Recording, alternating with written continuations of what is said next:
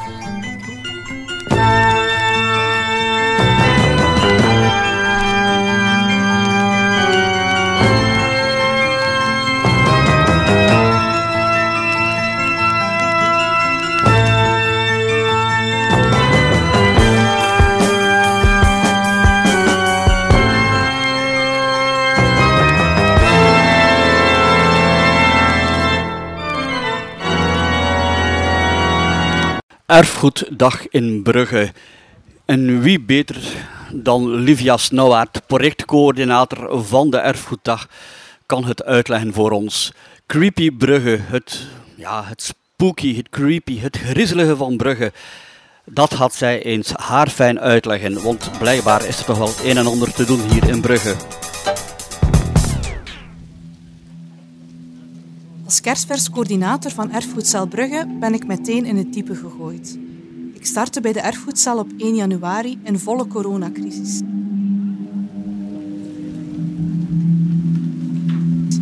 Mijn collega's leerde ik eigenlijk vooral online kennen. Hoewel ik al 17 jaar in de erfgoedsector werk, was de organisatie van een evenement als Erfgoeddag echt wel nieuw voor mij.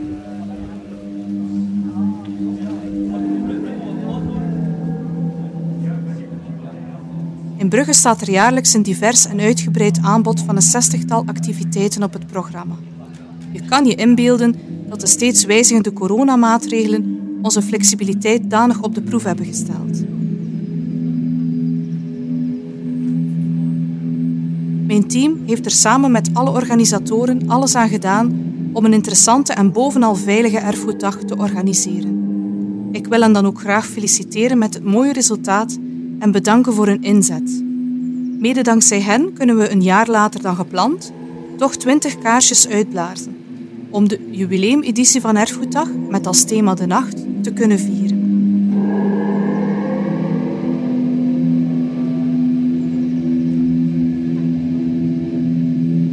Vandaag maken we de hele dag lang Erfgoeddag Radio en we doen dat samen met Villa Bota. Dit initiatief vervangt dit jaar samen met onze infolijn ons centraal infopunt, waar deelnemers alle informatie over het programma kunnen sprokkelen. Het laat ons ook toe om heel wat activiteiten, die jammer genoeg werden geannuleerd, toch nog aan bod te kunnen laten komen. Tot slot kunnen we via deze weg ook de digitale activiteiten, die vaak ook nog na Erfgoeddag beschikbaar zijn, in de kijker plaatsen.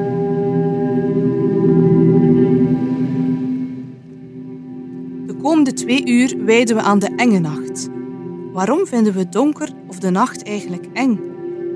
Welke Brugse legendes of recenter urban legends spelen zich af in de nacht? Zijn er Brugse verhalen over spoken, donkere steegjes? Welk bijgeloof bestaat er over de nacht? We zoeken naar antwoorden op deze vragen samen met volgende gasten. Frederik Maartens schetst de Hello Bruges wandeling Brugge Spookstad. Tijdens deze duistere erfgoedwandeling ontdek je waarom Charles Baudelaire Brugge als een vervallen spookstad omschreef, waar je verraad, moord en dood al van ver kon ruiken. Hekserijen, spookmissen, waterduivels en satanische rituelen uit de schaduwzijde van het Brugse verleden passeren er de revue. Birgit Ampe, wetenschappelijk medewerker van de Openbare Bibliotheek, vertelt over de expo Het Uur van Slekken en Spoken. Die expo kan je ook na Erfgoeddag nog gratis bezoeken tot 8 mei. Welk bijgeloof bestaat er over de nacht, over het middernachtsuur, over de zonsop- en ondergang? Maak dankzij deze thematische tentoonstelling kennis met slakken, spoken, heksen, nachtdieren en nog zoveel meer enge wezens in de collectie van de Erfgoedbibliotheek. Patrick Antone doet het concept van twee wandelingen in de buitengewone wijk van Sint-Pieters uit de doeken. De wandelingen zijn binnenkort digitaal beschikbaar via de Erfgoed-app. De Thanatos-wandeling in het bijzonder spitst zich toe op misdaad, doodslag en moorden en is zelfs gebaseerd op waar gebeurde feiten. De verteller neemt je mee langs alle duistere kantjes van de buurt. Tom van Oeterive vertelt over de invloed van de hemel op de geneeskunde van weleer. Vroeger keken chirurgen eerst naar de positie van de maan en de sterren voor ze iemand durfden te opereren. Sterrenkundige almanakken of kalenders bepaalden wanneer ze een aderlating of een amputatie mochten uitvoeren. Er werd dus heel wat afgestaard naar de hemel, die feller fonkelde dan nu. Deze activiteit met als titel Bij volle maan gaat het mes erin stond geprogrammeerd in het Hospitaalmuseum, waar tal van voorwerpen worden bewaard die gebruikt worden bij de ziekenzorg in het Sint-Jans-hospitaal.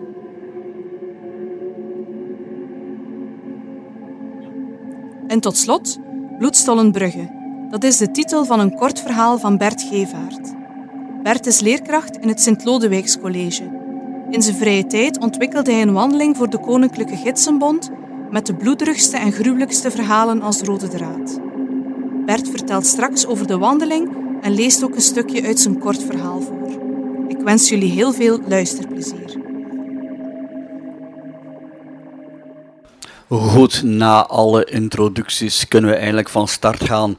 Bij me heb ik hier Frederik Martens van de Hitsenbond. Ik, nee, alweer, kijk, ik ben al verkeerd. Corrigeer me. Het is de gidsenkring. De gidsenkring. Maar daar juist werd er gesproken over Bert Gevaert van de Gidsenbond. Ik snap de verwarring. Oké, voilà. Daar, daar zit het al. Uh, Frederik zit hier bij me uh, naar aanleiding van Erfgoeddag, maar vooral naar aanleiding van het feit dat Erfgoeddag niet kon doorgaan zoals gepland. Want dat was wel een beetje het probleem. Jullie hadden een en ander in, ja, in gedachten en klaarstaan voor uh, de nacht van 2019. Vertel. ja, inderdaad. Dus het idee was gekomen in 2019 ondertussen kan er een, spooktour gemaakt worden in, in Brugge. Er was wat rondgemaild en ik had blijkbaar zeer snel geantwoord, ja, ik heb er één. Uh, dus heb ik samen met nog enkele collega-gidsen nog wat extra verhalen verzameld en gingen we normaal gezien voor de gidsenkring de première hebben vorig jaar. Uh, maar iedereen weet wat er vorig jaar gebeurd is en wat nog steeds bezig is. Uh, en we hadden een tweede kans gehoopt uh, dit jaar, maar ja, de, opnieuw corona, pest, cholera, alles is uh, ertussen gekomen om het tegen te houden. Goed, maar dit is eigenlijk nu wel een opportuniteit dankzij corona, want je zit hier in een mobiele radiostudio en je mag je première op de ether gaan ja, vertellen, ga ik maar zo zeggen. Ja, inderdaad. Op dat vlak is het wel eens nu leuk om de ja, 15 verhalen die we hebben gedaan, om er toch tenminste iets al van te kunnen brengen naar het grote publiek, zodat we dan misschien later in betere tijden echt van start kunnen gaan en dat mensen nu al een voorsmaakje hebben. Ah, wel ja, kijk, eh, je maakt me bijzonder nieuwsgierig. Uh, kan je er eentje uitleggen, een verhaal? Of ga je een teaser geven? Of ga je een paar zaken vertellen? Ik weet niet hoe je het aanpakt. Ik denk dat het op dit vlak makkelijker is. Dus een teaser is er eigenlijk al. We hebben uh, een korte teaser online staan op onze Facebookpagina. Van alle verhalen staat er een kort tekstje en een foto van de locatie. Dus ik denk dat het teasen dat dat niet hier hoeft, zeker niet 15 verhalen. Oké, dan uh, gaan we meteen voor een uh, verhaal. Ik, ja. uh, ik geef de, de, micro, het woord volledig aan u. Ja, ik, zal de, ik heb er dus één verhaal uitgelegd. Ik had begrepen dat het zocht, zoeken was naar de enge verhalen, dus ik heb een gezocht die wel wat losmaakt bij de mensen. Oké. Het verhaal van nu is ja, een van de meer gruwelijke die we vinden in de teksten over wat er in Brugge is gebeurd. Het is in het jaar 1482, late middeleeuwen ongeveer, de tijd van Maria van Bourgondië, uh, dat Brugge centrum van de wereld was, zoals het eigenlijk hoort. Uh, alle pracht en praal was hier. En wat dat mensen niet altijd weten, is dat Brugge toen ook een centrum was van gastronomische cultuur. En daarbij kom ik al heel rap bij één persoon, uh, bakker Arnache. Zijn bakkerij is gelegen in de Hoogstraat op de hoek met de Kelkstraat. Dus als je van de Burg komt, Stefan de Eerste, ja, is denk ik de tweede straat links dat je tegenkomt, het hoekhuis, daar woont de bakker Arnache. Het is niet meer het huis van de bakker, uh, het is afgebroken. En na mijn verhaal zal je wel begrijpen waarom. Dus Arnache was vooral bekend als bakker, maar pasteibakker. En iets wat, wat verdwenen is in onze contraien, vleespastijtjes. Uh, we hebben dan nog zo in Groot-Brittannië de meat pies. Dat was heel populair in het middeleeuws Vlaanderen en is nu zo wat verdwenen. Maar bakker Arnache werd zo toen, ja, dat was de top of the bill. Uh, ja, de chefkok van die tijd. En vooral, ja, men kon het niet namaken wat hij doet. Hij had een speciale touch. Op een dag kreeg Arnache een zeer grote bestelling van niemand minder dan Maria van Bourgondië. Hij moest een voorraad pastijtjes brengen naar Prinsenhof, want zij had weer belangrijke gasten op bezoek. En één daarvan was Orlandini, een Italiaanse valkenier. Zeer welkom geheten, want Maria van Bourgondië, ja, meestal afgebeeld met haar valk, ze hield van de jacht. Die man had er ook een paar speciale bij en ze wou die te vriend houden. Dus om een goede lunch aan te bieden met het beste wat Brugge te bieden had. De pastijtjes zaten er natuurlijk bij. Na de uitgebreide lunch, we laten de bakker even voor wat het is, beslist Orlandini even Brugge te bezoeken, zoals elke toerist die er is. Gaat hij een keer rondkijken, waar zijn de zwanen, wil hij het begin zien en zo. Maar hij zal op tijd terug zijn, rond een uur of vijf, zes, zodat ze aan tafel kunnen. Maar onze Orlandini dacht niet op van op het diner. Uh, men denkt dat de man in een herberg verzeild is geraakt, wat van uh, ja, de andere gastronomie van de pintjes aan het genieten is, en dat hij later wel zal opduiken. Maar Maria van Bourgondië, als dame in de steek gelaten, is niet tevreden op dat moment. De man duikt heel de dag niet op. Ook de volgende dag was hij weer uitgenodigd en Orlandini komt weer al niet op het appel. Maria van Bourgondië wordt kwader, maar ze wordt gesust, ze wordt gesust. Maar dan de dag nadien, opnieuw, geen spoor van de man. Ze gaan eens naar de herberg waar hij logeert en daar zeggen ze hetzelfde. Ze hebben geen flauw idee waar hij uithangt. Orlandini is van een zeer belangrijke Italiaanse familie, dus ja, die mag niet zomaar verdwijnen. Dus Maria stuurt de schout op zoek met zijn mannen over Brugge, Kambrugge uit, zoek Orlandini. De zoektocht duurt drie dagen en het, ja, ze hebben geen spoor van hem. Eh, het helpt ook niet dat Brugge als handelscentrum op dat moment enkele honderden Italianen heeft rondlopen. Dus de vraag, heeft u een Italiaanse edelman gezien, was niet altijd zo handig. De schout ziet op een gegeven moment Marcus zitten op de burg. Marcus is een bedelaar die altijd op de trappen van de Sint-Donaas zit. Die zit daar eigenlijk dag en nacht. Die ziet veel volk passeren en hij denkt, ik zal het hem eens vragen, Marcus, heb jij Italiaanse edelman gezien? Geef een omschrijving. En Marcus is de eerste in drie dagen die zegt, ik denk het wel. Ik denk dat ik hem gezien heb. Er is hier inderdaad een paar dagen geleden een Italiaanse type gepasseerd en hij heeft iets in mijn buidel gegooid, maar hij heeft zich vergist. Het was geen goudstuk, het was een medaillon. Hij toont het medaillon en inderdaad, het wapen van de familie van Orlandini staat erop. Het is het eerste spoor dat ze vinden van de man. Vraagt natuurlijk, ja, Marcus, uh, weet je iets, kan je iets meer zijn, hoe of wat? Hij zegt, eh, wel ja. Uh, toen dat ik zag dat het een medaillon was, ben ik de man achterna gelopen, uh, de Hoogstraat in, en ik zag hem nog binnengaan bij de Narnash daar op de hoek. ja, maar als bedelaar mag ik er zelf niet binnen. ik ben even buiten blijven wachten, maar uiteindelijk ben ik dan terug gegaan naar mijn plekje bij de kerk en ik dacht, ik zal hem later wel zien passeren. Oké, de schout bedankt, gooit iets in de buidel en wandelt dan naar Arnache, want voor zover ze weten is Arnache de laatste die de Italiaan heeft gezien. Kom binnen, vriendelijke ontvangst. Arnache en de schout kennen elkaar, ook, uh, is daar ook klant ook. Hij vraagt naar onze Orlandini. Arnache ontkent, zegt ja, ik heb geen, geen idee, dat zegt mij niks. Er passeert hier zoveel volk, zo et cetera, et cetera. De schout vraagt wat door. Een moment roept Arnache van, ja, uh, nee, ik weet van niks. Uh, er is hier nog nooit een Italiaan binnen geweest. Ga maar weg. Uh, onze schout, dat is de, de, Pieter van In van zijn tijd, hij vond dat een zeer rare uitspraak. Nog nooit een Italiaan binnen. Hij voelde het aan zijn water, zijn elleboog, zijn ekstrogen, alles van... Ik zal hier toch maar een keer wat extra doorvragen. Ja, krijg niks los. Hij heeft zijn mannen bij en in die tijd mocht dat. Hij zegt gewoon prompt, huiszoeking de boel overhoop halen. Heel de bakkerij wordt doorzocht.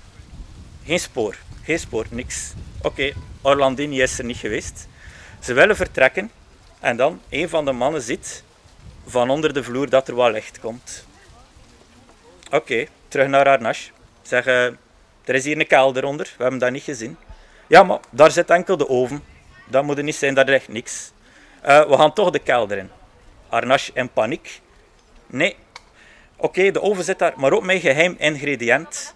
Uh, je mocht dat echt niet weten. Als je binnen gaat, ga heel Brugge weten wat dat mijn geheim is. Uh, schout, reken er niet op. Laat de kelder openbreken. Arnache moet in bedwang gehouden worden. Maar Arnache had niet gelogen. Naast de oven lag inderdaad gewoon het geheime ingrediënt. Op een arduinenblad het in stukken gehakte lichaam van een mens en daarnaast het hoofd van Orlandini. Het geheime ingrediënt was ontdekt. Arnache breekt op dat moment, bekend alles. Uh, het geheime ingrediënt, inderdaad, mensenvlees. Elke week een bedelaar binnenlokken of een vreemdeling, iemand die niet gemist zou worden, en dan via een mooi valluik in de kelder en verwerken.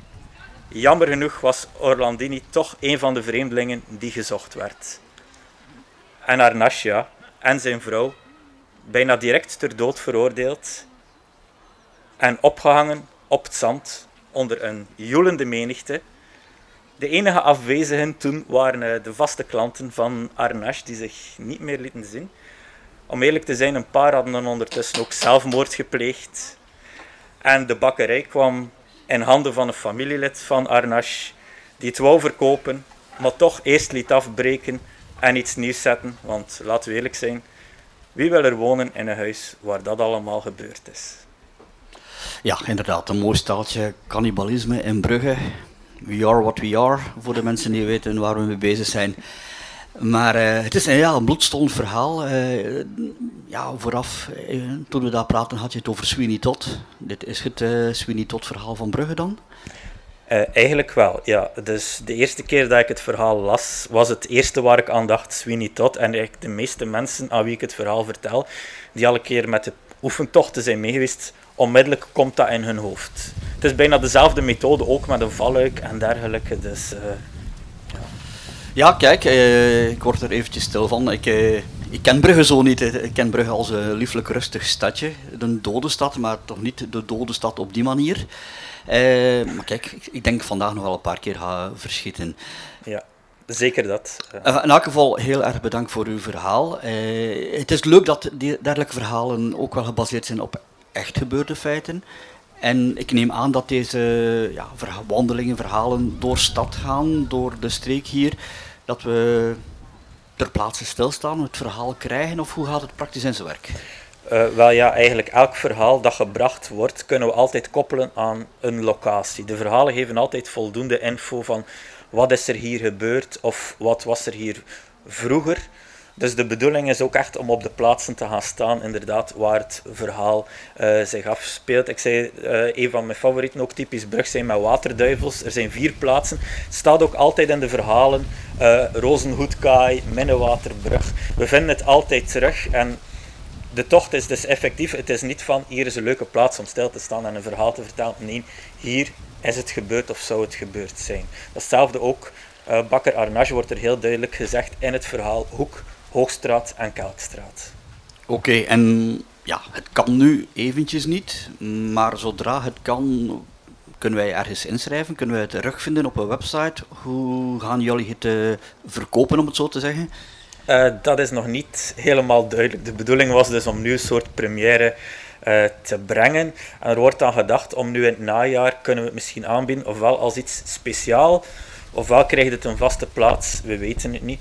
Nu, via de website van de gidsenkring Hello Brooch um, staat het op dit moment niet, maar mocht er interesse zijn, je kan altijd contacteren en ik zou dan zeggen, vraag naar de spookwandeling. Het zal dan via via wel bij mij komen of bij een van mijn collega's die, het, eh, die uh, de wandeling meedoet. Oké, goed. Uh, heel erg bedankt. Wij onthouden vooral de spookwandeling. Zoek het op op Facebook via de Hitsenkring. Vraag ernaar, eh, want dit moet gewoon, ja, dit moet in het leven geroepen worden. Dit moet echt doorgaan in Brugge. Ben ik absoluut mee eens, uiteraard. Voilà. We gaan nog luisteren naar wat aangepaste muziek ondertussen.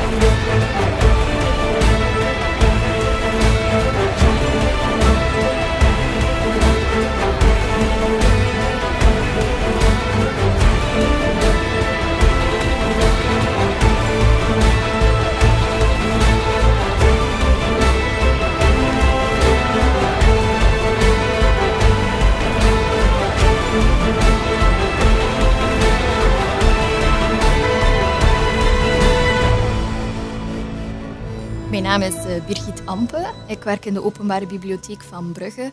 Dat is eigenlijk ook een erfgoedbibliotheek.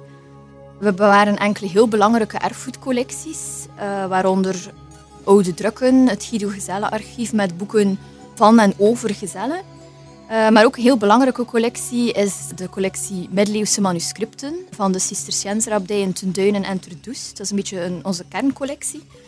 Uh, daarnaast hebben we ook allemaal kleinere collecties, bijvoorbeeld fondsen die zijn geschonken aan de bibliotheek.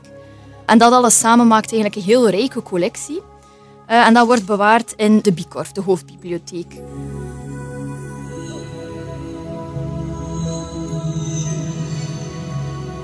Voor Erfgoeddag hebben wij eigenlijk gekeken naar onze collectie en bedacht van ja, wat zit nu in onze collectie? Dat heeft te maken met het thema de nacht.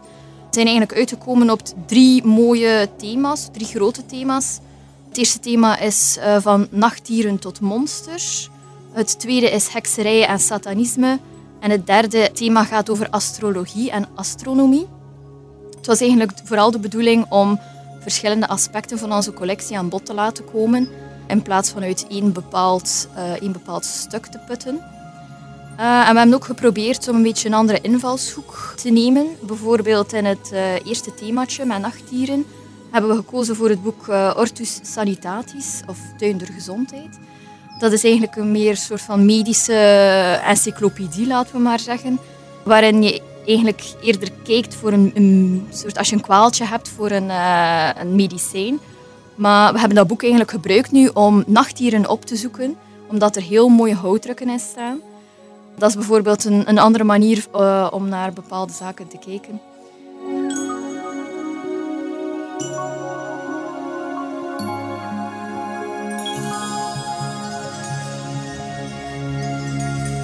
Bij hekserij satanisme wouden we voornamelijk de heksenhamer naar voren laten komen, de Malius Maleficarum, omdat dat wel het bekendste boek is dat met hekserij te maken heeft. De bibliotheek bewaart daar één kopie van. Maar we wouden ook een beetje die Brugse invalshoek behouden. Dus daar hebben we dan bijvoorbeeld gekozen om ook nog het Joost de Damhouderen uh, daar iets over te vertellen. Dat was een, een Brugse jurist die ook volop inzet op de heksenvervolging. Maar ook meer anekdotisch. Daar hebben we bijvoorbeeld voor gekozen om het verhaal van de satanische priester Le Docre te vertellen. In het, uh, het boek van Huismans, Là-bas. Dat, heeft zo, dat is meer anekdotisch, is ook niet echt, behoort niet echt tot onze kernerfgoedcollectie, maar het was heel leuk omdat dat uh, zich in de fondsen bevindt. Dat is een collectie die iets minder aan bod komt vaak.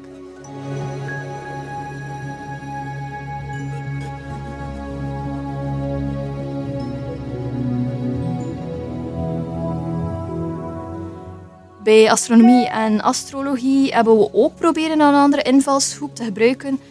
Uh, voor astrologie zijn er eigenlijk heel veel boeken te vinden in de bibliotheek.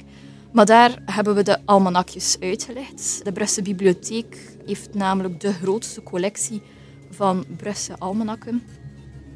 En we hebben zakelijke almanakjes, maar ook heel volkse almanakjes. En dat was wel een heel leuk stuk om te belichten, omdat dat komt niet vaak aan bod. Het zijn uh, boekjes die eerder als gebruiksvoorwerpen uh, gebruikt werden. Dus heel veel notities, ook vaak een, uh, een slap kaftje in plaats van een mooie versierde band.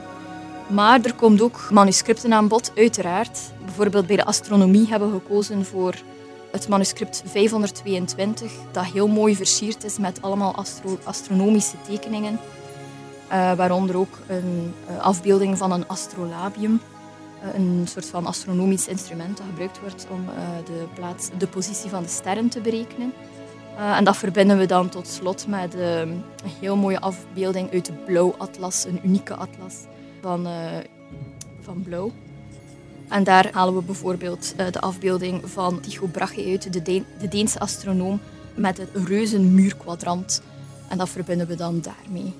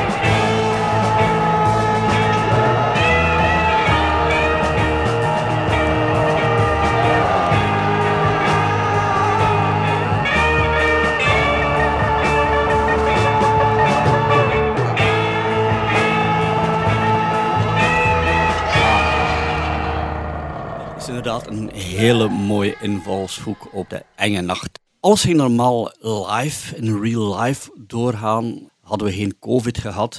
Eh, maar nu is het allemaal een klein beetje anders. Hoe ziet de alternatieve versie er eigenlijk uit? Ja, dus aanvankelijk uh, was het de bedoeling om die manuscripten en die boeken te tonen in vitrinekastjes in de bibliotheek, zoals we eigenlijk ieder jaar doen met Erfgoeddag. Maar dit jaar, door de coronamaatregelen, uh, hebben we de uh, stukken gefotografeerd en plaatsen we die foto's online in een tentoonstelling. We hebben die gecreëerd via het programma Adobe Spark. En die komt dus online te staan. Je kan er aangeraken via een link. Die wordt gepubliceerd op onze website. Wordt ook gepubliceerd op de website van de Erfgoedcel van Brugge. Dus de bezoekers gaan gewoon naar de Erfgoedcel van Brugge of gaan rechtstreeks naar de BUB van Brugge en kunnen daar een link vinden naar de foto's van de manuscripten. Ik veronderstel dat er ook wel wat extra uitleg bij te verkrijgen is. Ja, klopt. Dus, uh, het is eigenlijk een tentoonstelling met afbeeldingen van uh, de meest interessante afbeeldingen uit de stukken, met daarnaast dan bijschriftjes en wat meer uitleg over het boek zelf en wat meer context erbij. Is er ook nog een live gedeelte? Ik denk maar aan een uh, ja, uitlichting van een aantal boeken in een standje die mensen kunnen ontleden. Uh, dus uh, zoals gezegd komen de stukken niet in vitrinekastjes te liggen, maar we hebben met de openbare bibliotheek wel een klein standje gemaakt met dus boeken die aansluiten bij het thema de nacht, ook dvd's en zo meer. En daarvoor kunnen de mensen gewoon naar de bibliotheek gaan uh, en kunnen die boeken of dvd's ontlenen. De bibliotheek is open volgens de normale openingsuren. Daarnet had je het over ja, minder bekende collecties, fondsen. een stuk bibliotheekwerking die ik als leek niet ken. Ik, ik ga al niet veel naar de bibliotheek, ga eerlijk zijn. Ik ben geen grote bibliotheekhanger, maar nu hoor ik een wereld opengaan die ja, bijna ondergronds, onbestaand, onbekend was voor mij. Vertel. Ja, we hebben dus een, het label van erkende erfgoedbibliotheek gekregen, omdat we dus een heel rijke erfgoedcollectie bewaren. Dus, uh, met dus uh, heel kostbare middeleeuwse manuscripten, oude drukken, incunabelen en zo meer. Dat wordt bewaard in uh, de hoofdbibliotheek in de Bikorf. Um, en het doel is eigenlijk om die collectie te bewaren voor volgende generaties, maar ook voor deze generatie de collectie naar buiten te brengen op allerlei verschillende manieren. Erfgoeddag is daar één manier van. Die collecties komen eigenlijk op verschillende manieren in de bibliotheek terecht. Bijvoorbeeld de collectie van manuscripten is eigenlijk in de bibliotheek terechtgekomen via een lange geschiedenis. Dat begon bij de Cisterciënzer-abdijen ten Duinen en ter Doest en zijn via verschillende instellingen in de bibliotheek terechtgekomen. Maar dat kan even goed zijn stukken die we aankopen op veilingen of in het geval van de fondsen zijn dat stukken die mensen schenken aan de bibliotheek en dan bewaren wij dat op, op zijn geheel. En er zijn verschillende uh, ja, manieren waarop wij, die, waarop wij die collecties naar buiten willen brengen. Bijvoorbeeld dus Erfgoeddag. Maar dus ook uh, af en toe eens uh, een kleine tentoonstelling organiseren in de bibliotheek. Grote tentoonstelling kan ook. Twee jaar geleden was er bijvoorbeeld de Collard Mansion tentoonstelling over de drukker Collard Mansion. Dan een hele grote tentoonstelling met incunabelen, met oude drukken. Ik zelf werk in de functie van behoud en beheer. Ik zorg voor het behoud en beheer van de collectie. Dat, dus dat de collecties bewaard worden. Ter onder meer ook voor uh, het uitschrijven van restauraties en van conservaties. Dat is zo'n beetje de werking. En uh, mag ik me daar dan zoiets bij voorstellen, zoals een, uh, ja, een museum, waar stukken effectief uitgeleend gaan worden, op tour gaan, andere stukken bij, bij ons terechtkomen in Brugge, dat wij echt wel kunnen bekijken als leek als toerist. Uh, wordt er op een dergelijke manier gewerkt of wordt het echt een gesloten gegeven? Ja, we willen de collectie echt wel naar buiten brengen. Dus het is niet de bedoeling dat dat volledig afgesloten is. Maar voor bepaalde collecties is het niet echt aangewezen om die vaak te bekijken, omdat de stukken zo fragiel zijn. Maar bepaalde stukken, als je in de bibliotheek komt, naar onze leeszaal, kun je gerust aanvragen en kun je bekijken in onze leeszaal. Wat wij ook vaak doen, is onze stukken naar andere musea uh, of andere bibliotheken uh, uitzenden als bruikleen. En die kun je daar dan ook bekijken. Bijvoorbeeld, wij hebben hier in Brugge een permanente regeling met de musea, onder andere het Stadshuis en het Gruuthuizenmuseum, waar wij om de drie maand uh, nieuwe manuscripten en oude drukken tentoonstellen. en dat is dus ook een manier om, aan die, om die boeken dus te zien. Oké, lijkt mij allemaal heel bijzonder interessant en leuk om te weten. We gaan het vooral in de gaten houden, nu voor Erfgoeddag uiteraard, maar ook naar de toekomst, want ik uh, vermoed dat er nog wel meerdere zaken gaan opduiken waarvan we niet weten dat ze bij jullie in bezit zijn en uh, die best wel de moeite zijn om te ontdekken. Bedankt om tot uh, bij ons te komen en nog een fijne namiddag. Geen probleem.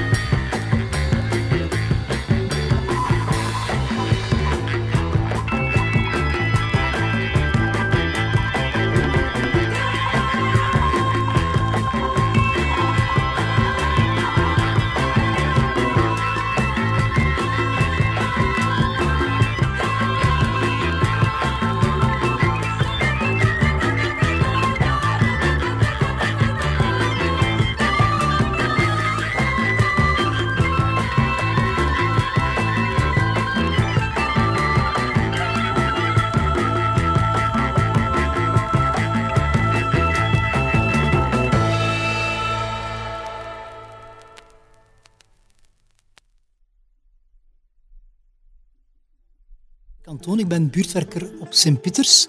In één zin gezegd werk ik eigenlijk aan de leefbaarheid van de deelgemeente Sint-Pieters. Dat wil eigenlijk zeggen dat ik eigenlijk uh, vanuit een buurtcentrum, maar eigenlijk probeer voor Hans de deelgemeente Sint-Pieters een aantal zaken op touw te zetten. Zaken op verschillende levensdomeinen. Heel concreet gezegd, eigenlijk, we hebben een aanbod in het buurtcentrum, maar we werken ook rond volkstuinen. We hadden jarenlang een straatfanfare. We hebben een minivoetbalploeg. We hebben een badmintonclub. We hebben Peters en Meters die voor speelpleinen zorgen enzovoort.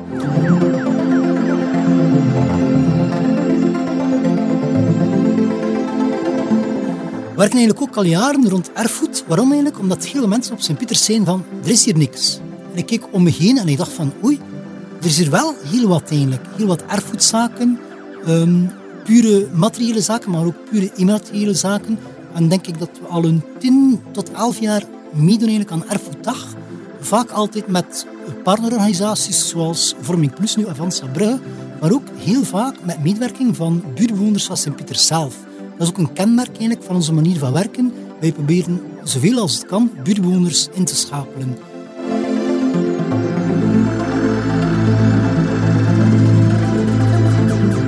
Erfgoeddag dit jaar, en ook dus vorig jaar, was in teken van de nacht. Um, eigenlijk eind 2019 zijn we al begonnen eigenlijk met de voorbereiding daarvan. Het thema was de nacht. We hadden toen een brainstormoefening met een aantal mensen. En we kwamen er eigenlijk uit van wat gaan we brengen eigenlijk uh, als thema. We gaan verhalen s'nachts brengen. We hadden dan twee hoofdthema's, Eros en Thanatos, omdat dat vaak zaken zijn die aan nacht gekoppeld waren eigenlijk. We zijn dan begonnen eigenlijk met het bijeensprokken van echt authentieke verhalen van mensen uit Sint-Pieters.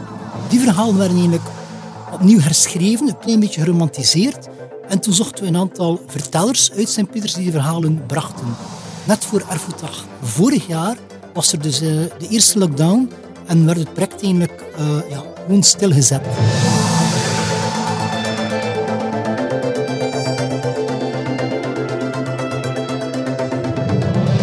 Uh, eind vorig jaar zijn we toen eigenlijk begonnen met de hervatting van het project.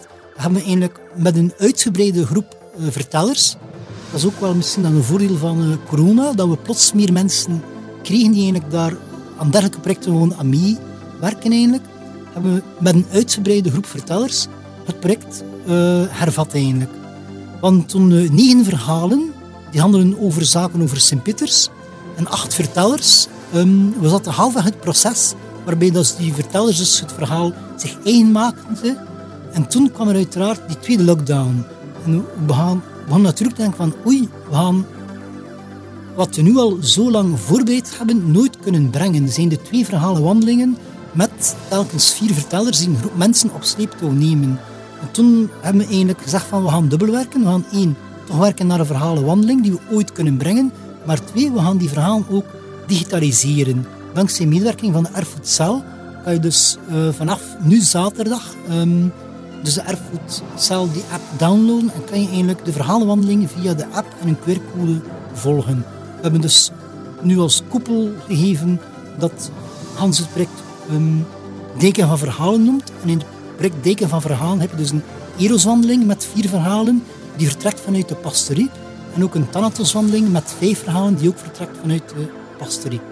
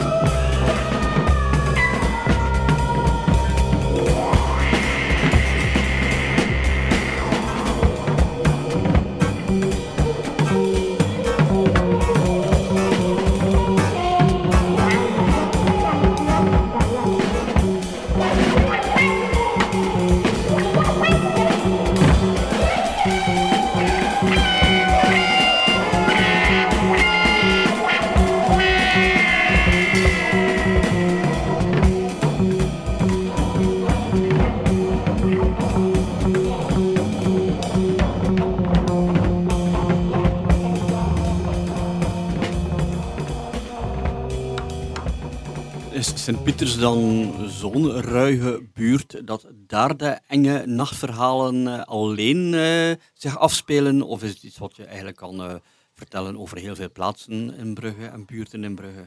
Ja, ik denk dat we eigenlijk, het leuke eraan is dat we eigenlijk verhalen van Sint-Pieters hebben gehaald bij de mensen zelf. Maar eigenlijk is dat bijvoorbeeld het verhaal van de laatste veldwachter van Sint-Pieters die zijn lief leerde kennen tijdens de Expo 58. Of dat is een verhaal van de Tweede Wereldoorlog, waarbij het huis op Sint-Pieters plots beschoten werd en het kogelgat is nu nog aanwezig. Of er is verhaal ook bijvoorbeeld van uh, een heemkundige van Sint-Pieters die een zoektocht heeft eh, gedaan eigenlijk naar het graf van Jozef Rieland. Dat zijn verhalen van Sint-Pieters, maar eigenlijk als je dat bekijkt, zijn dat uiteindelijk altijd universele verhalen over mensen, over hun passies, over hun liefde, over de dood. Dus eigenlijk als je het zo bekijkt, denk ik wel dat we nu iets gedaan hebben op maat van Sint-Pieters. Maar ik kan me voorstellen dat socioculturele organisaties uit Hans-Vlaanderen ook wel interesse hebben in die verhalen of in dat project. Dit is duidelijk iets dat uh, kan groeien en uh, bruggen overstijgen, hoor ik zo. Dat is alvast mijn hoop. Dat, dat, dat zou mooi zijn, dat, inderdaad een, uh, dat we hier klein in Brugge in Sint-Pieters kunnen starten met dergelijke gegeven en dat het uh, mooi mag uitgroeien. Het was bedoeld als wandeling. Het is nog steeds bedoeld als wandeling, maar tussendoor gaan de mensen het zelf moeten beluisteren, ontdekken. Hoe gaat het praktisch in zijn werk? Dankzij de samenwerking met Erfgoed Celbrugge gebruiken we eigenlijk de Erfgoed-app van FARO, de koepelorganisatie, um, waarbij dus mensen moeten die app downloaden. Uh, en dan hebben ze eigenlijk toegang tot die negen verhalen of eigenlijk tot uh, twee verhalen wandelingen. Over een wandeling van een drie tot viertal kilometer, waarbij dat je dus op drie, vier plaatsen stopt en telkens kan op die locatie, eigenlijk ook wel een leuke locatie op Sint-Pieters, op die locatie kan het verhaal zien en horen. Zien en horen, zeg je wel. En hoe moeten wij dat voorstellen? We zijn radio, wij zien niet veel. Hoe, hoe, hoe zit het in elkaar? Vertel. Hoe zit het in elkaar? Dus om het te digitaliseren hebben we eigenlijk um, beroep dan op een filmmaker die eigenlijk de negen verhalen van de acht vertellers op de locatie waarbij dat we dachten van op die locatie gaan we het brengen, die heeft ze telkens die verhalen op die locatie gefilmd. Ja, oké, dat uh, lijkt mij een leuke insteek en zeker een interactieve insteek. Uh, na corona veronderstel ik dat de um, vertellers gewoon gaan rondwandelen, of heb ik het verkeerd? Nu op de digitale... Nee, nee, na, na, corona. Na corona. Na corona gaan we één keer het evenement doen zoals we het voorzien hebben. Um, nu is dat gepland op 15 mei, maar dat is een beetje afhankelijk van de agenda van uh, een aantal andere partners. Maar sowieso doen we het ergens in mei, eenmalig. Maar dat zal nog um, bekendgemaakt worden op onze sociale media en ook in de pers enzovoort. Dan gaan we eigenlijk coronaproof en volgens de maatregelen een evenement organiseren waarbij dat we één zaterdagavond, 15 mei ofwel 22 mei, um, om 20 uur zowel de Eros-wandeling met de vier vertellers als de Thanatos-wandeling met de vier vertellers laten starten vanuit de dijk de pastorie op Sint-Pieters. De vertellers gaan mee met die groep van 20 mensen, stoppen aan vier locaties en overwacht uit die groep springt er dan een verteller naar voren, die brengt zijn verhaal en dan gaat de groep verder naar de volgende locatie waar een volgende verteller aan het woord is. Een tweede editie is dan om 22 uur, als het echt donker is. Dan gaan we hetzelfde direct met de Eroswandeling en met de Thanatoswandeling nog een keer hernemen. Super, ik ben al uh, totaal uh, mee in het verhaal. Uh, waar schrijf ik me in? Hoe kom ik bij jullie terecht? Voor, voorlopig kan je dus nog niet inschrijven, beste Patrick, maar ik ga u als beste radiopresentator die je ken zeker mailen dat je een plaats krijgt bij de 80 mensen die het kunnen live meemaken. nog eens luisteren naar een verhaal een kleine teaser of een volledig verhaal? Wat gaan we doen? Um, ik heb een van de acht vertellers meegebracht eigenlijk. Uh, zij had het volledige verhaal vertellen, omdat ja, een stukje van het verhaal is een beetje flow. We gaan nu één van de negen verhalen prijsgeven, maar dan hebben mensen al een beeld van uh, wat het eigenlijk allemaal kan zijn. Het is wel zo, het zijn negen verhalen, het zijn echt negen verschillende verhalen. We hebben ook acht vertellers, uh, waarvan zeven van de acht bewoners van Sint-Pieters zijn ook acht verschillende mensen. Dus iedereen heeft ook zijn verschillende stijl van het verhaal vertellen, wat dat ook wel leuk is. Oké, goed, dan gaan we luisteren naar een verhaal.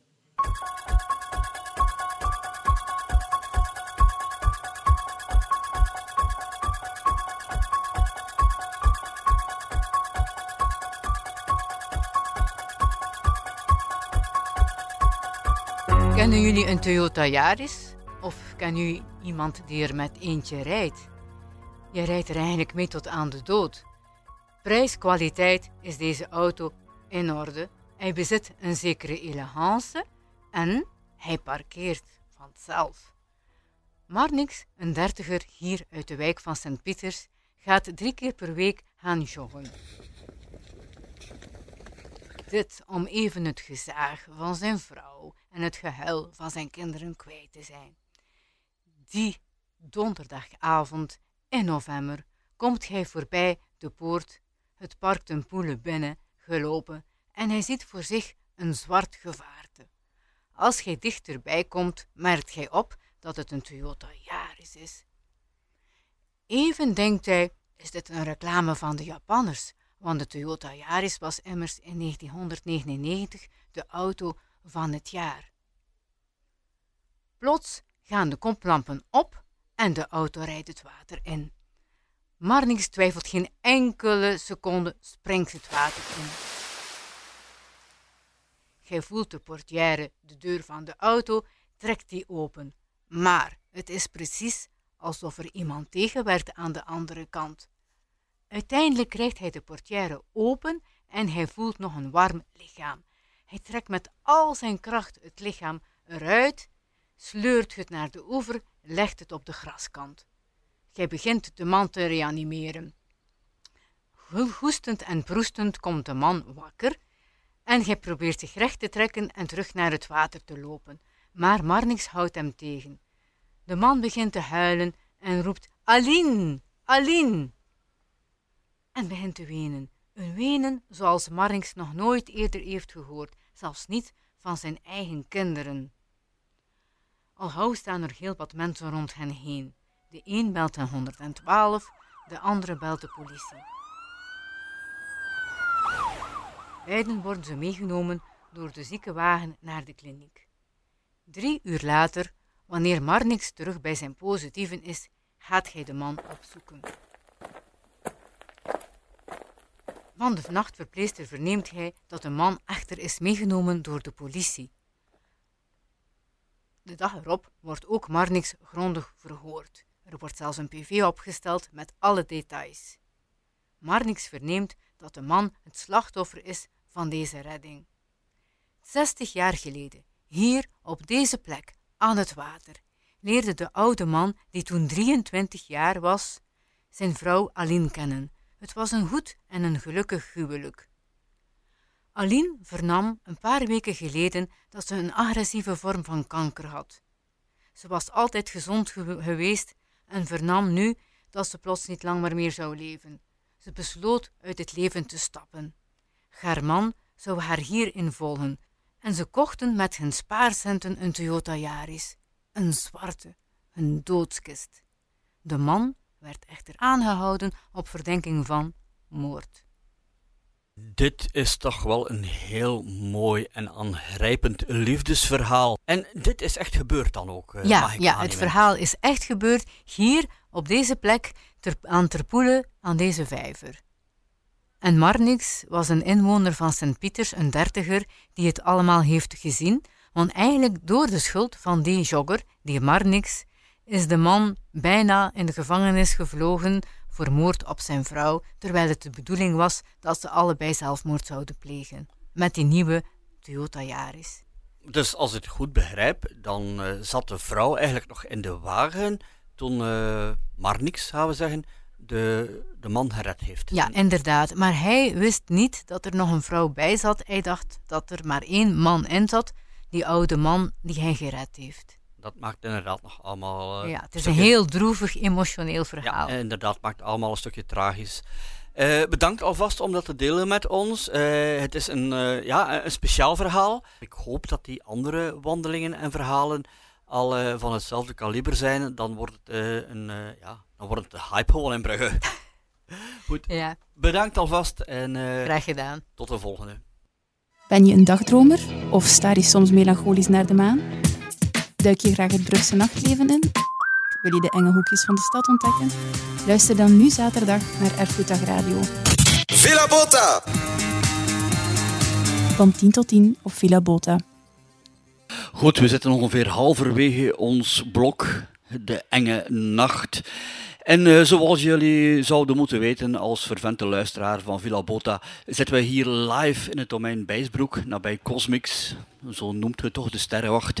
En uh, dan heb je als ja, bezoeker ter plaatse ook wel eens de mogelijkheid om een plaatje aan te vragen, tot onze boete wandelen, een praatje te maken met de medewerkers en je verzoeknummertjes gewoon aan ons over te maken.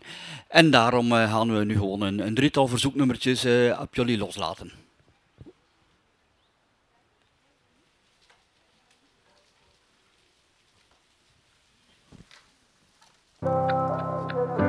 Zit op loes te blijven hopen of leg ik me neer als misantroop? Was het niet voor de liefde van mijn mensen, dan gaf ik het al lang op. Heb vertrouwen in de mensheid. Een optimist zegt, ga beter als ooit. Historicus pleit, we hebben terriger gat. De grote hoop hebben niks gezien, niks gehoord. Een brandje hier, een brandtaartje daar. De asfalt tot in de achtertuin. Bezedig je politieke landkaart. Of over hoe alles terug te brengen tot op ons eigen bord. Ik blijf positief, dat is zeker dat. Toch vrees ik voor morgen, desondanks. Ze we klaar voor een nieuw begin. Ik weet vandaag nog niet helaas, morgen misschien.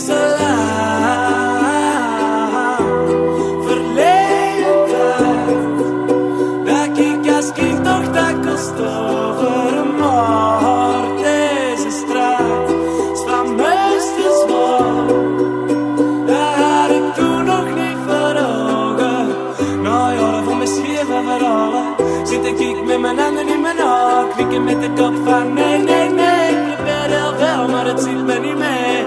Omgeven door problemen, volg ik de melodie. De tonen zijn mijn treden, totdat ik de horizon kan zien. Nog steeds op zoek naar mijn filosofie.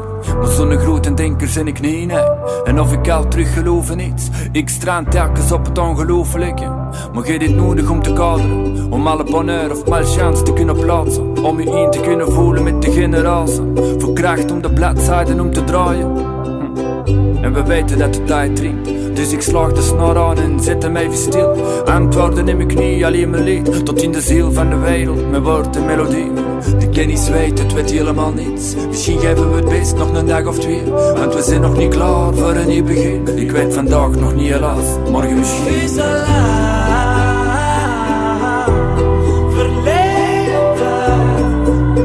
Dat ik als kind toch dat kost over een moord. Deze straat is van meesters Dat had ik toen nog niet voor ogen. Nou ja, van mijn scheve verhalen zit ik met mijn handen in mijn oog. Knikken met de kop van nee, nee, nee. Ik probeer heel veel, maar het ziet me niet mee. Omgeven door problemen, ik melodie. De tonen zijn mijn treden,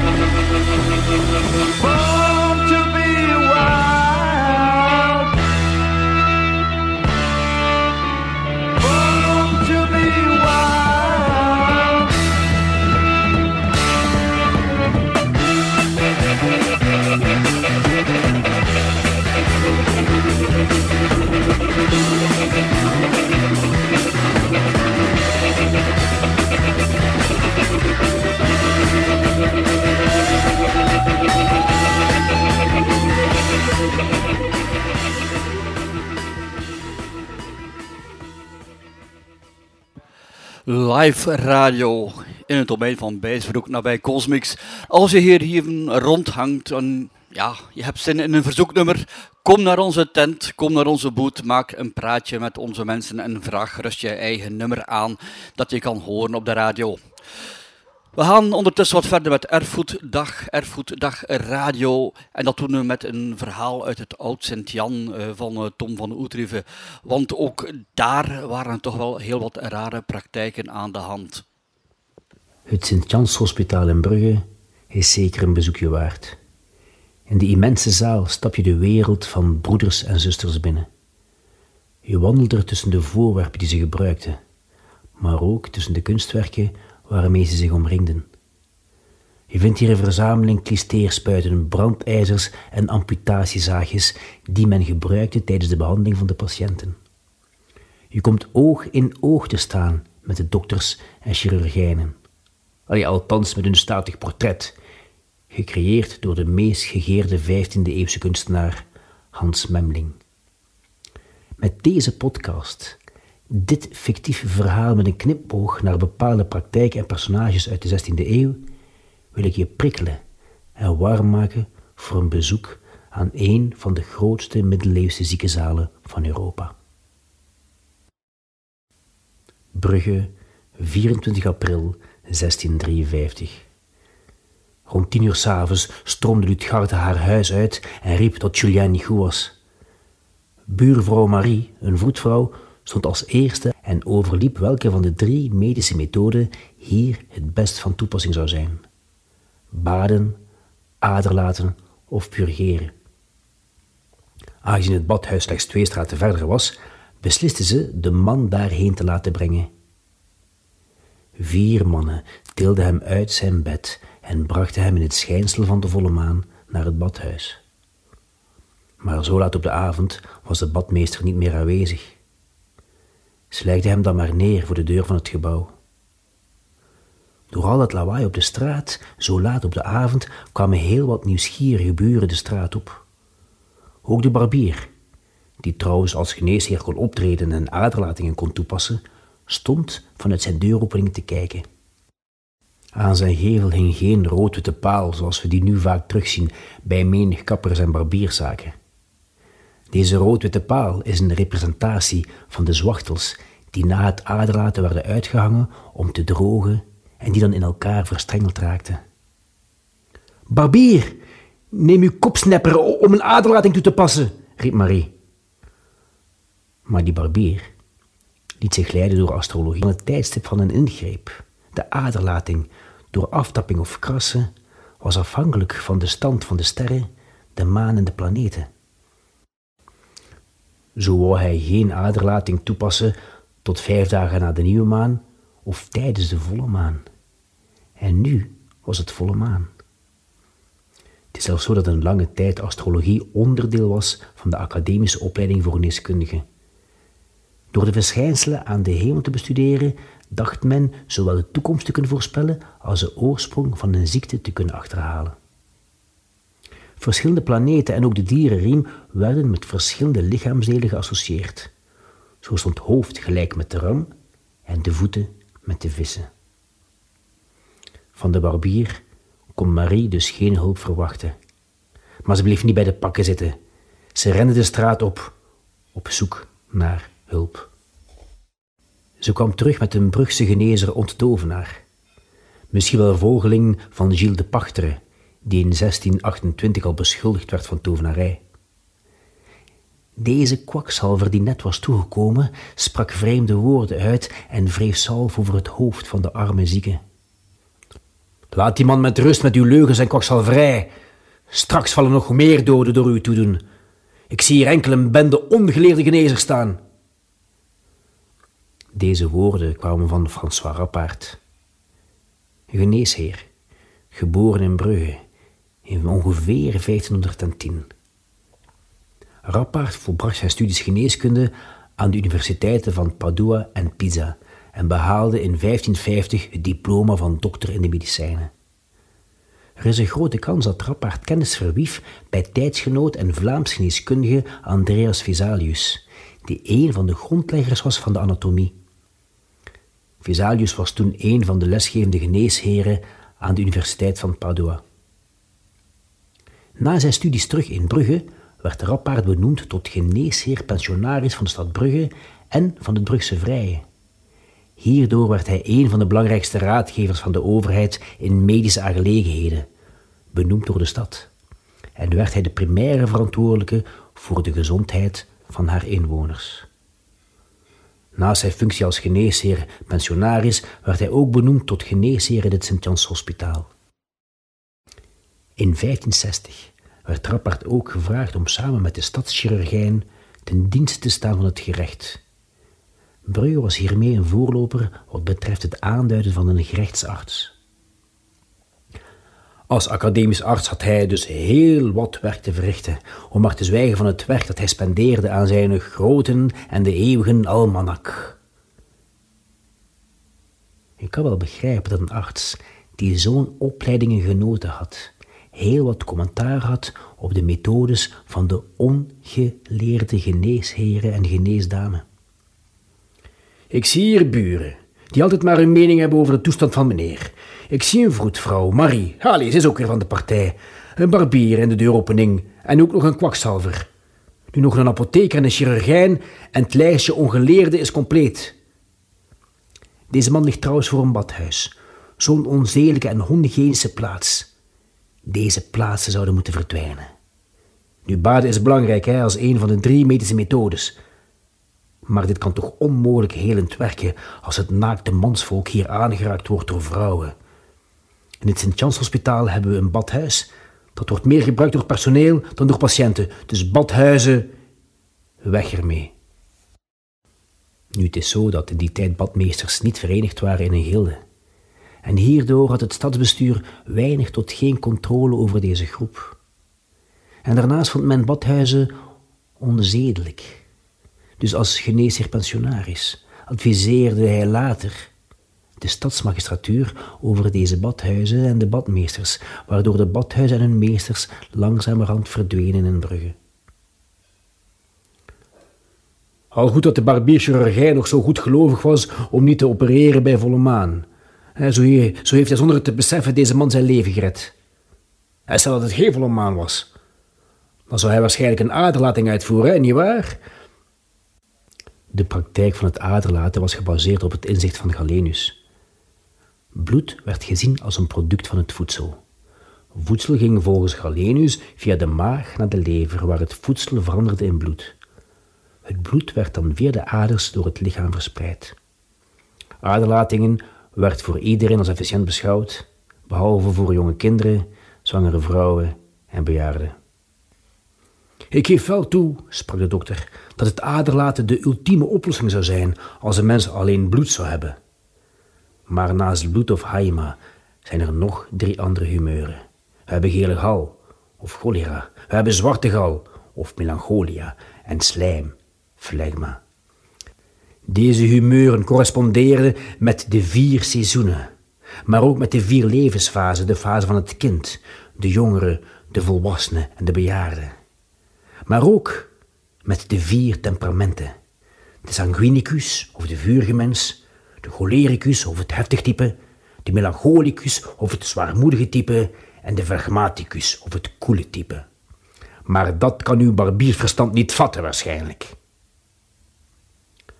Dokter François was helemaal geen voorstander van de manier hoe barbiers de zaken aanpakten.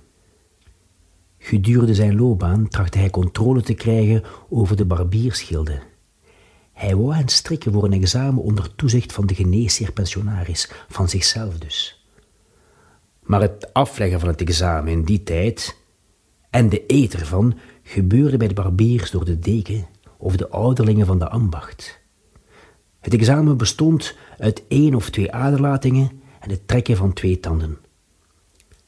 Rappaard wou dus meer controle krijgen over die groep, maar hij is daar niet in geslaagd. En dan jij daar, beste kwakzalver. U staat hier op het punt deze arme man een zalfje toe te dienen. Deze heidense manier van werken is toch niet meer van deze tijd. Ik begrijp niet waarom men nog steeds beroep doet op jullie. Ik als geneesheer pensionaris moet toezien op de gezondheid van alle inwoners van de stad. Ik moet hen beschermen tegen mensen zoals u.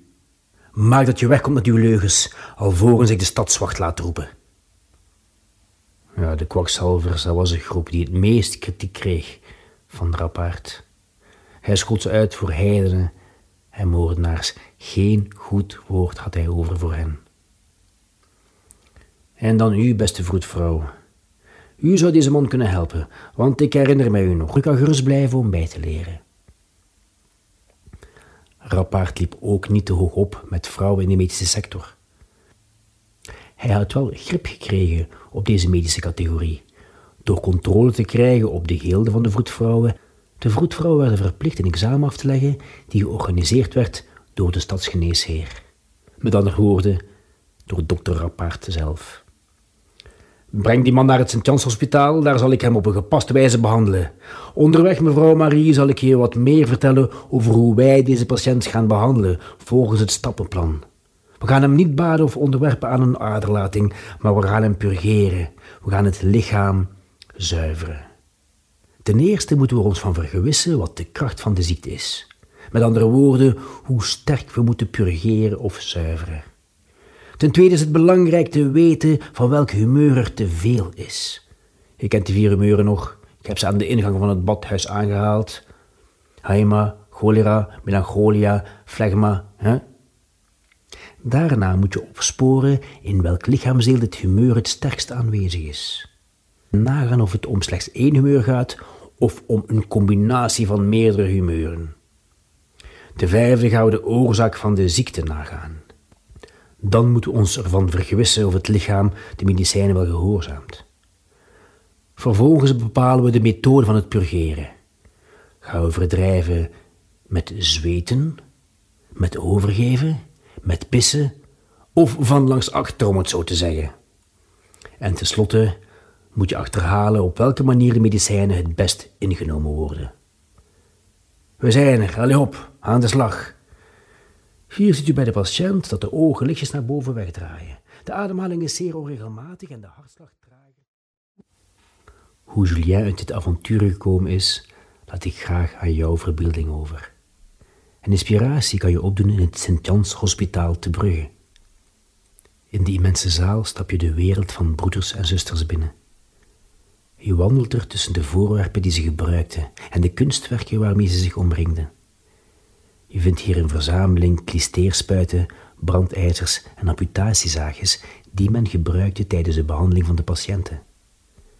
Je komt oog in oog te staan met de dokters en chirurgijnen. Althans met hun statig portret, gecreëerd door de meest gegeerde 15e-eeuwse kunstenaar, Hans Memling. Met deze podcast, dit fictief verhaal met een knipoog naar bepaalde praktijken en personages uit de 16e eeuw, wil ik je prikkelen en warm maken voor een bezoek aan één van de grootste middeleeuwse ziekenzalen van Europa.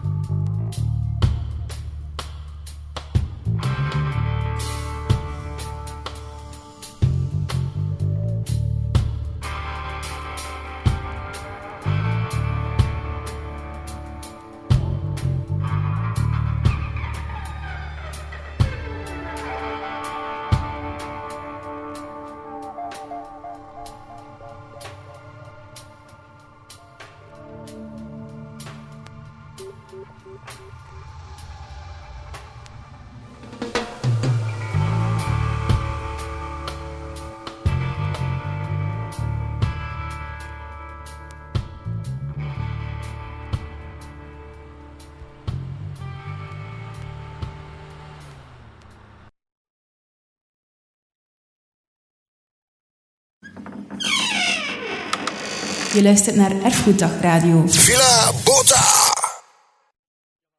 Goeddag Radio hier in Bijsbroek. En we zijn uh, ja, toe aan onze laatste studiogast voor mijn blog. Uh, we hebben Bert Hevaert op bezoek, de man die onder andere bloedstollend Brugge aan ons presenteerde, maar evengoed een echte Lovecraftiaanse verhalen schreef. Bloedstollend Brugge, laat ons daarbij beginnen, Bert. Waar moeten we, of wat moeten wij ons daarbij voorstellen? Dat is een uh, boek dat gepubliceerd is in het jaar 2017. Eigenlijk naar aanleiding van een wandeling. Een wandeling die ik al dikwijls gedaan had voor de Gidsenbond in Brugge. En na verloop van tijd ja, zijn er heel veel mensen die langskomen en die vragen van ja, welke wandeling is dat eigenlijk precies? En, en ik zou die wandeling ook willen geven aan mijn familieleden. En toen ben ik eigenlijk op het uh, lumineuze idee gekomen om daar eigenlijk een uh, boek van te maken. Nu, een boek over horrorverhalen, gruwelverhalen, stagen en legenden en Brugge, dat is niet zo heel uniek. Er bestond eigenlijk al iets daarvoor, van Johan Balleheer, hè, over uh, Sagen en Brugge. En wat heb ik gedaan? Ik heb die, die verhalen van Johan Balleheer een beetje gepimpt, zoals mijn leerlingen zouden zeggen. Ik heb die verhalen een beetje sexier gemaakt, verschillende genres daarop toegepast. En dan ook gevraagd aan een vriend van mij, die een heel goede illustrator is, striptekenaar is, Ken Broeders, om daar eigenlijk een gepaste schilderij tekening bij te maken. En zo is dus dat boek Bloedstollen Brugge in het jaar 2017 verschenen. Ja, en blijkbaar wel een hit, want het is al niet meer te verkrijgen, weet je te vertellen? Ja, we hadden het op, veel beperkt, op een veel te beperkte oplage gedrukt. We hadden iets van 1500 exemplaren. En het kwam toen uit periode december, denk ik. En je weet, dat zijn de donkere dagen. En ja, dat was toen blijkbaar een ideaal kerstcadeau. Dus het boek was in, in een mum van tijd de deur uit. U, dat, ja, dat is mooi toch? Dat is goed. Ja, dat is leuk. Dat is, dat is toch leuk, ja. Kijk. Uh, hoeveel verhalen zitten er precies in? Ha, als ik me goed herinner, uh, een stuk of veertig misschien. Je hebt een aantal grotere verhalen en dan heb je ook heel korte verhaaltjes. Nu, um, er is een, uh, een boek van zekere Stalpaard, hè, Zagen en Legenden. En soms zijn bepaalde van die verhaaltjes drie of vier regels. Gewoon een oud vrouwtje ontmoet op straat een vreemde hond.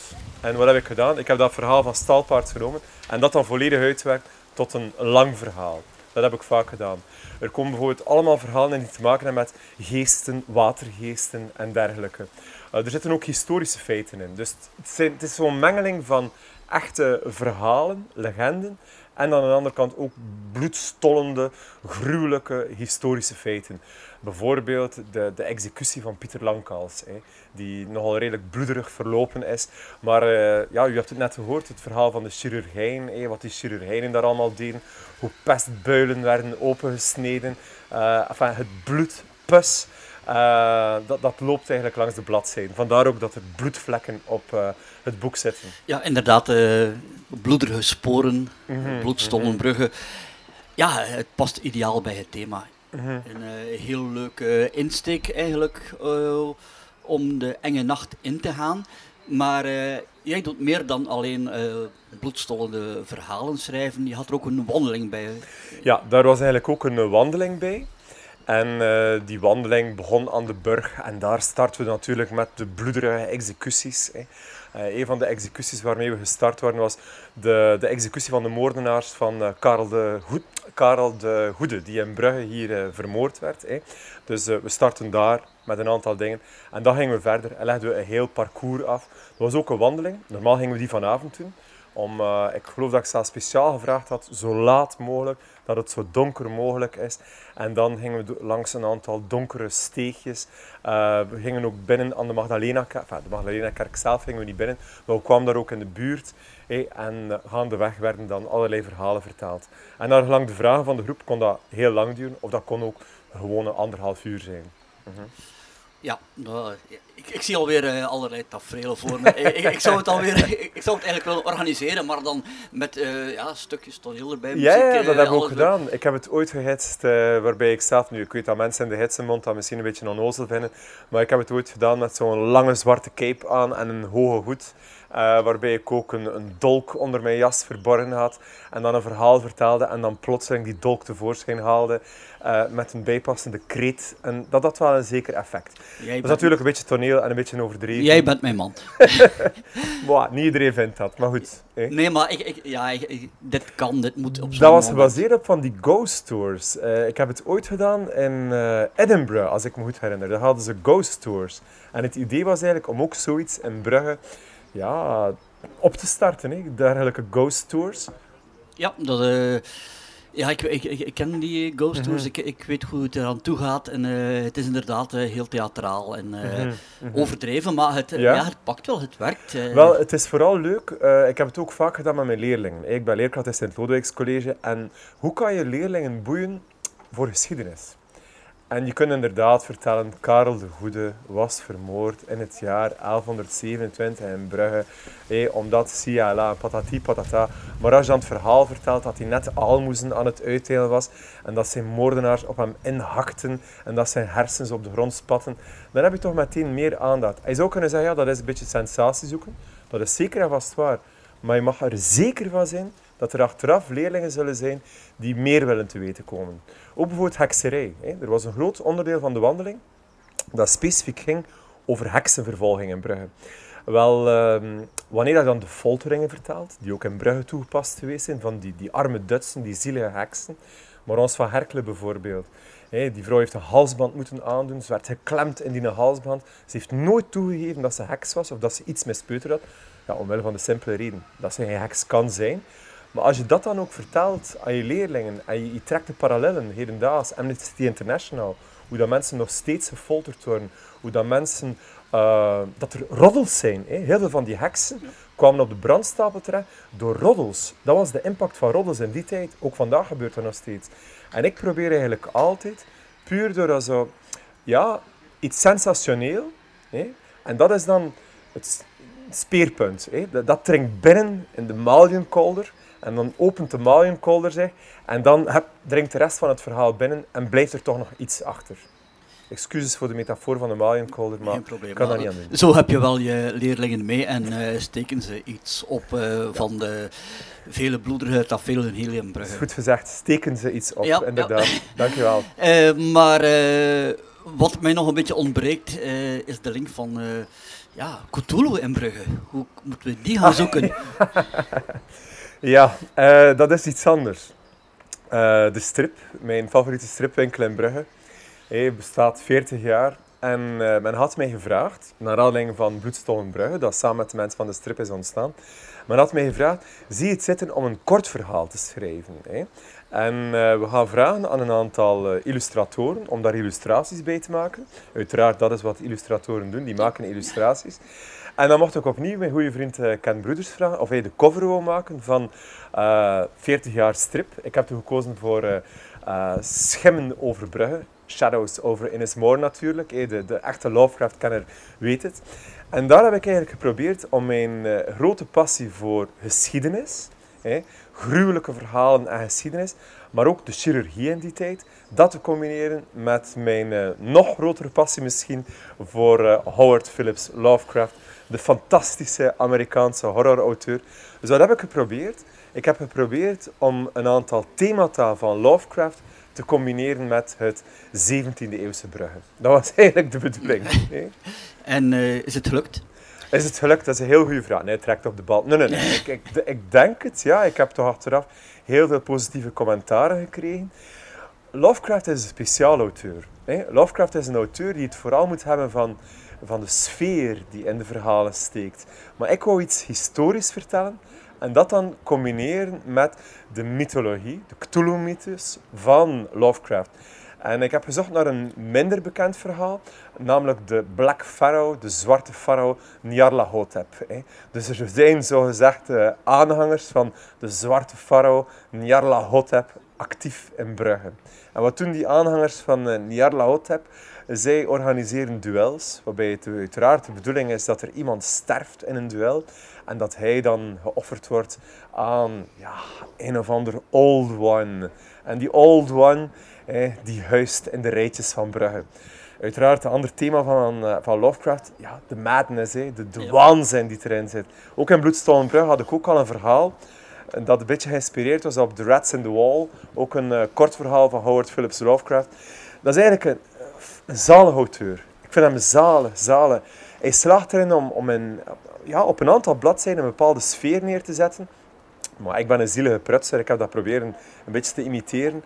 En eh, ja, er valt daar heel veel mee te doen. Ja, vandaar. Hij was vooral eh, ja, ver zijn tijd vooruit. Ja, absoluut, absoluut. Inspiratiebron voor Stephen King en zoveel andere. Hoeveel films zijn er niet die gebaseerd zijn op... Ja, het extreem veel, ja. ja. Ja, is, eh, het- ja, voor, mij is het ook een zalige schrijver, omdat hij... eh, hij was een zinner eigenlijk. Hij was. Ja, geen ja, schrijver, ja, hij was meer absoluut. een zinner die Ja, eh, ja, waarschijnlijk Ja. ook wel wat eh, interne Ja. problemen had, maar eh, het was een, een, eh, een mens van vlees en bloed die echt wel Ja. eh, een paar honderd jaar eh te vroeg geboren Ik weet dat er op eh, Razor Reel ooit een eh, avond was, Lovecraft-avond, eh, met allemaal themata van Lovecraft. Ik heb nu speciaal inktvis gegeten die avond, want ik vond dat dat er wel bij hoorde. In- En dan eindig je de avond ja, met een complete insanity. En dan, eh, wel, eh, op die avond ben ik eh ja, erelid geworden van, eh, of eh, ik heb een erelidmaatschap gekregen van de H.P. Lovecraft Society uit Man, Amerika. Ik ben zeer jaloers. Zeer, zeer, zeer jaloers.